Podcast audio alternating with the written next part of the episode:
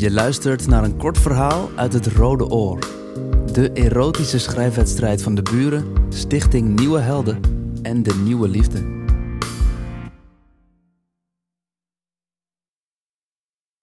Net voor openingstijd struin ik altijd nog een keer door de gangen.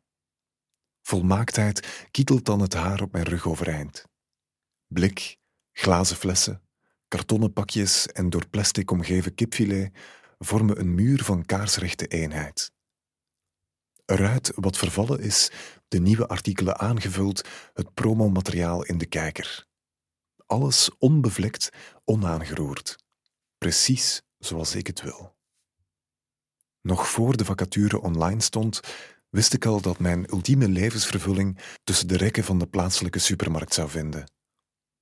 Als klant deed ik eerst stevast op het middaguur mijn boodschappen, maar ik werd gewaar dat de winkel dan al een deel van haar ongereptheid verloren had.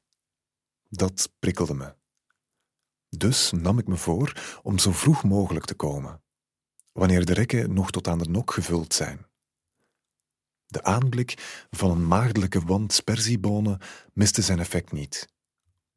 Ik stopte mijn handen in mijn broekzakken in de hoop de zwelling onder het stof te verdoezelen en vluchtte rood aangelopen langs een verlaten kassa. Thuis gutste alles eruit, waarna een onbehagelijk gevoel me bekroop, want mijn slappe lid wekte het beeld op van een ingedeukt blik. De maagdelijkheid was verloren.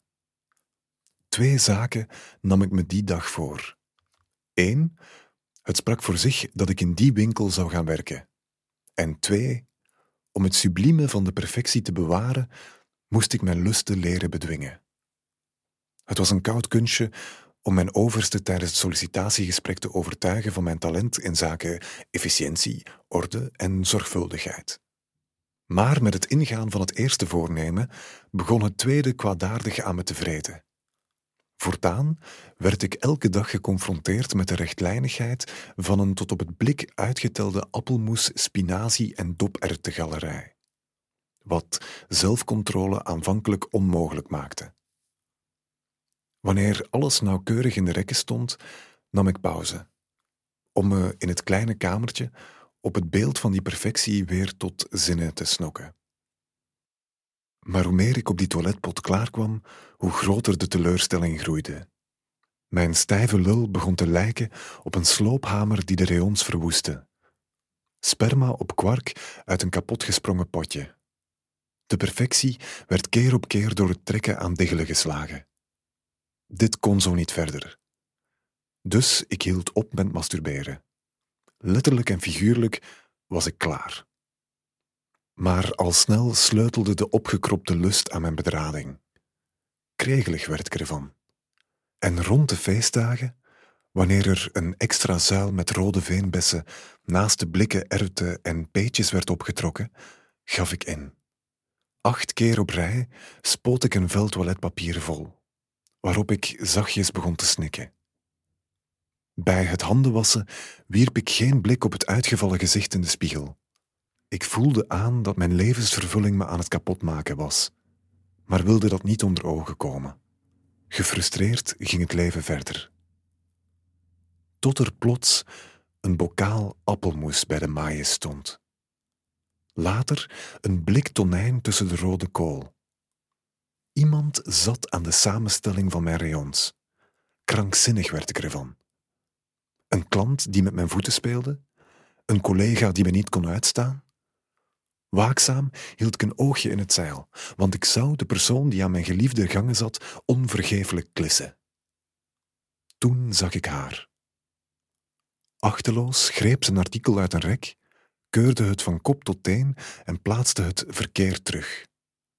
Niet met boze opzet, maar uit nonchalance. Ik had woede verwacht, blinde haat. Ik had gedacht dat ik zou staan tieren. Jij daar, zet dat artikel terug waar je het gevonden hebt, of ik sleep je bij je haren uit de winkel. Maar wat deed ik? Niets. Als ik haar zag, slikte mijn obsessie met perfectie zichzelf in. Ik snapte er niks van. Wat was er met me aan de hand? Plots stond ze voor me. Excuseer, meneer, Waar vind ik de gepelde tomaten? Ik stamelde: Hier, uh, naast de, de couscous en de frambozen. Ze glimlachte en zei: Dankjewel. Alles staat hier zo netjes naast elkaar. Dat maakt me benauwd. Benauwd? Ja, het is te perfect. Dat is onhoudbaar. Ja? Ja. Ik overhandigde haar het blik gepelde tomaten en raakte daarbij even haar hand. Het tintelde in mijn kruis. Het kleine kamertje riep. Maar het enige wat ik dacht was: een rayon voelt zo warm niet. Ik ben Rachid Elkawi en dit verhaal is geschreven door Stijn de Marbet, een van de finalisten van het Rode Oor 2020.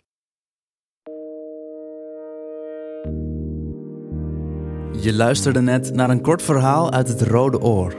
De erotische schrijfwedstrijd van het Vlaams-Nederlands Huis De Buren, Stichting Nieuwe Helden en De Nieuwe Liefde. Op deburen.eu slash het Rode Oor vind je meer informatie over het project, over de wedstrijd en kan je alle erotische verhalen van het Rode Oor lezen en luisteren. Het Rode Oor is onderdeel van het project Yes Please, een initiatief van Stichting Nieuwe Helden.